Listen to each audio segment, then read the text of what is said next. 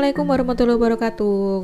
Bertemu lagi dengan saya Yulia Sukma di podcast Semak Berbagi. Kali ini saya akan bercerita tentang hikmah Apa yang saya dapatkan setelah saya tinggal 4 tahun di New Zealand. Ya, kita mulai ya. Jadi saya tuh 4 tahun tinggal di New Zealand ikut suami saya kuliah Suami saya kuliah PhD dan saya jadi berumah tangga di sana selama empat tahun itu banyak sekali yang sudah saya lakukan ya. Saya juga kerja saya juga ngurusin anak saya juga volunteer kerja dibayar dan kerja nggak dibayar saya juga dari lawan obat.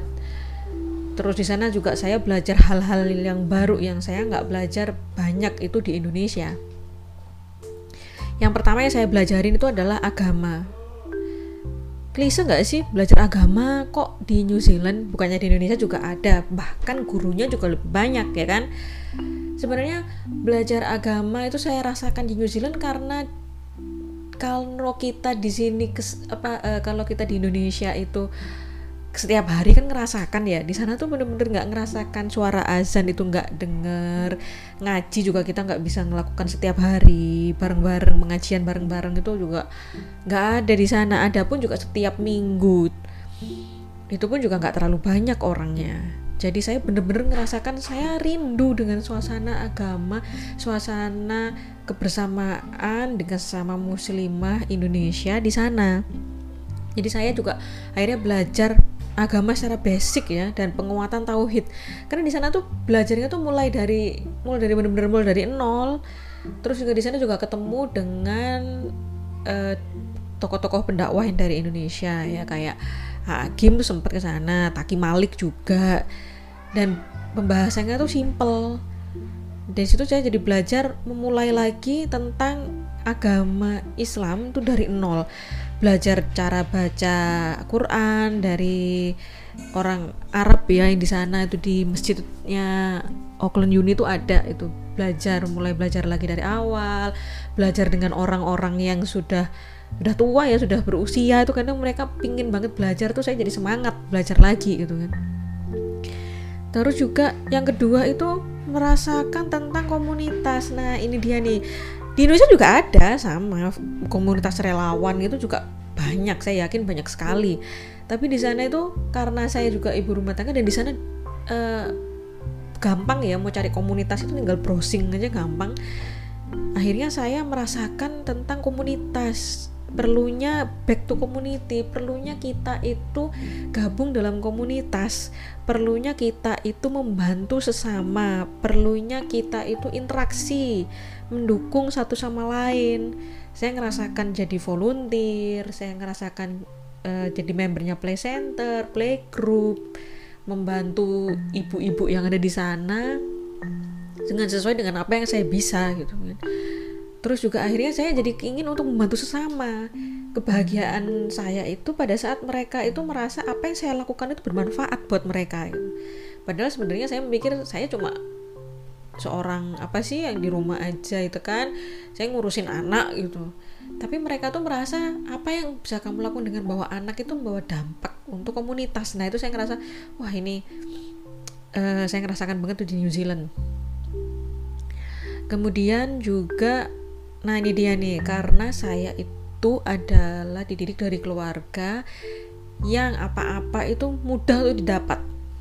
Ya, ya kalau yang dibilang beruntung, ya mungkin saya adalah keluarga yang beruntung ya.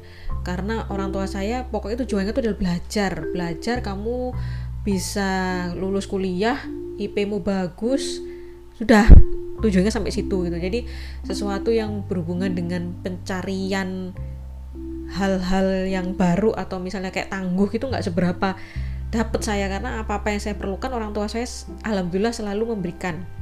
Nah di sana saya ada dengan suami, nggak ada keluarga.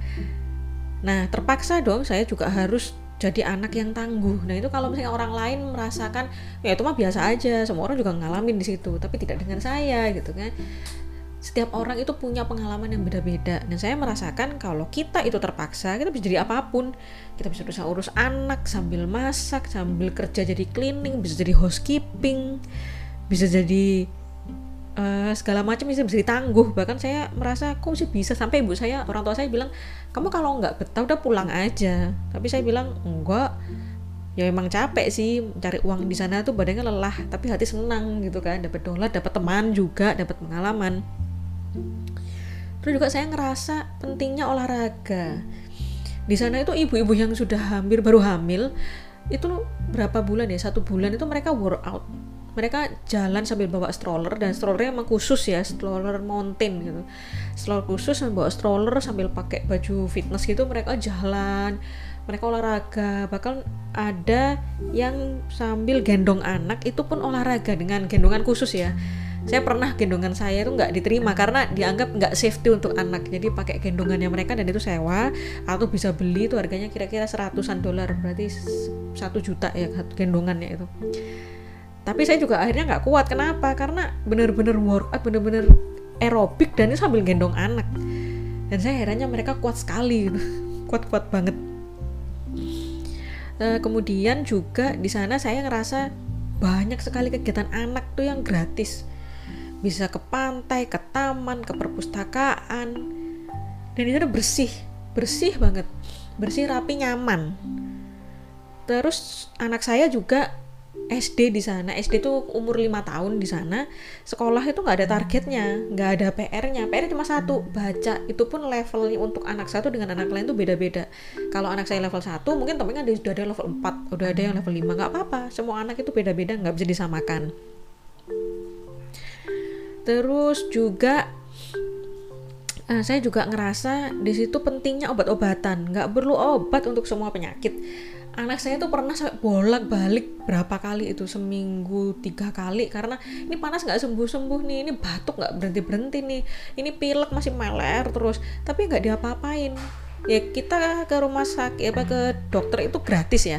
Tapi kan kalau habis dari dokter kita nggak dikasih obat kan rasanya gimana? Akhirnya ke farmasi cuma beli vitamin dikasih vitamin ya dikasih hanya vitamin C vitamin C dan itu sembuhnya batuk itu ya dua minggu dua minggu itu baru sembuh atau seminggu.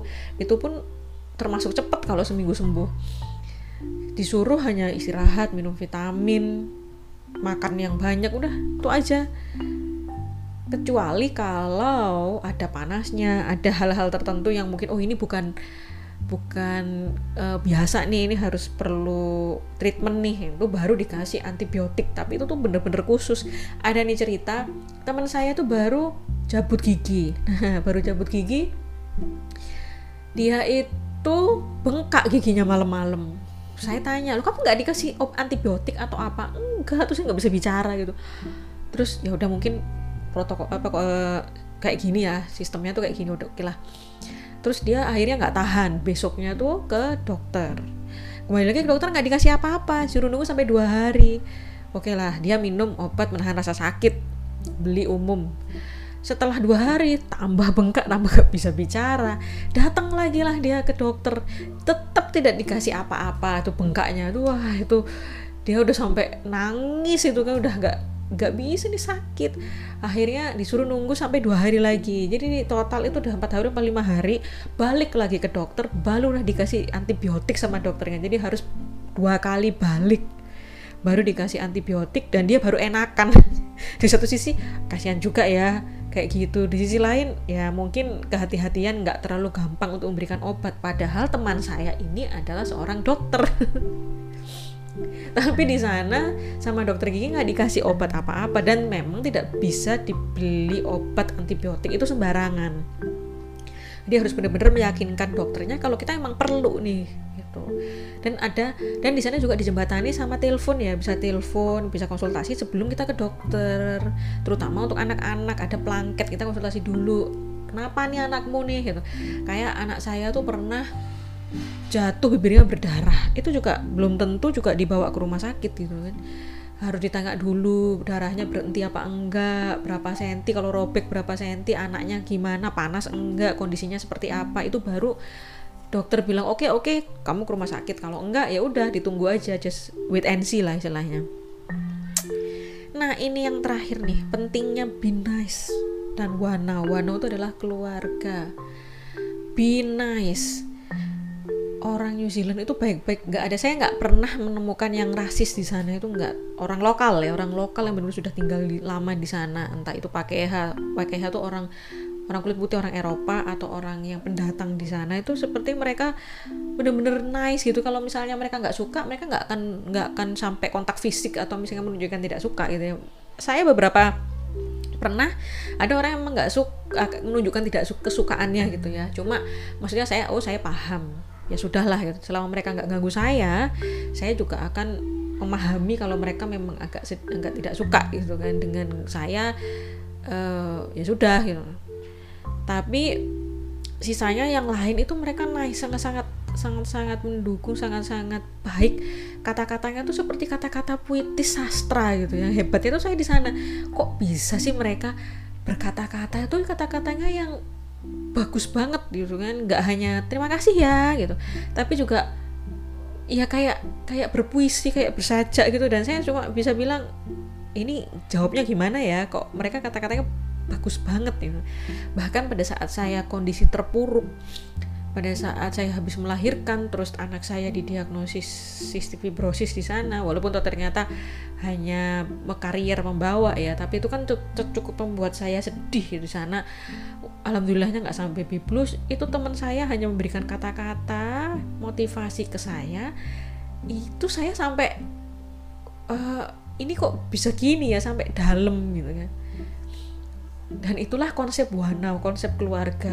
Mereka nggak bertanya kalau kamu perlu apa-apa kontak aku ya. Nggak. Tapi mereka gini kamu perlu uh, laundry nggak? Kamu perlu belanja nggak? Jadi yang kita pikirkan oh kayaknya perlu deh. Kalau yang pertama kali kita mikir biasanya kamu perlu apa? Jadi kita kan harus mikir dulu ini enggak jadi perlu laundry nggak? Kita lihat laundry oh iya ya laundry kan numpuk. Oh perlu perlu gitu. Kamu perlu ke uh, supermarket nggak untuk belanja. Kita lihat beras habis. Ah ya bener juga perlu ya. Nah kayak gitu tuh saya ngerasa ini dari teman-teman volunteer komunitas saya yang ada di New Zealand itu. Konsep kebersamaannya konsep kekeluargaannya tuh benar-benar sangat erat. Dan mereka benar-benar menghargai yang namanya privacy. Nggak ada namanya kontak fisik itu nggak ada. Kalau kamu nggak nyaman mereka juga tahu kapan harus mundur kapan harus maju. Dan be nice-nya itu yang benar-benar luar biasa. Cara tatapannya cara bicaranya itu yang aduh benar-benar saya ngerasakan di sana itu orangnya super baik. Orang New Zealand super super duper baik. Salah satu alasan kenapa saya menyukai New Zealand itu adalah vibes dari lokal person yang orang-orang lokalnya itu memang benar-benar sangat baik. Selain pemandangannya yang indah ya pemandangannya bagus pemandangannya sangat bagus tapi orang-orangnya itu yang membuat saya itu masih terbayang sampai sekarang. Saya ingin balik ke sana karena saya masih ingin merasakan uh, wanaunya konsep wanau konsep kebersamaan dan konsep binaisnya itu sendiri. Ya itu dia eh, empat uh, tahun saya hikmah empat tahun saya di New Zealand semoga teman-teman yang dengerin ini punya kesempatan untuk pergi ke New Zealand entah kerja entah kuliah entah liburan. Kalian pasti bisa. Kalian pasti bisa ke sana insya Allah. Dan Indonesia tuh lebih baik sih karena dekat dengan keluarga. Itu prioritas saya. Tapi pengalaman itu juga penting. Jadi kalau ada pengalaman ada dana kenapa nggak dicoba gitu ya dan tinggal di luar negeri itu meningkatkan kemandirian dan kedewasaan terutama untuk saya saya bisa punya pengalaman baru selama saya hidup ya selama saya besar kira 20 tahun lebih itu saya nggak pernah punya itu dan saya bisa dapat pengalaman itu di luar negeri Oke, demikian cerita saya di podcast Emak Berbagi kali ini ya. Semoga ada hikmah yang bisa diambil. Ambil positifnya. Kalau ini menginspirasi, jangan lupa follow podcast Emak Berbagi ya. Terima kasih. Sampai bertemu di cerita Emak Berbagi selanjutnya. Wassalamualaikum warahmatullahi wabarakatuh.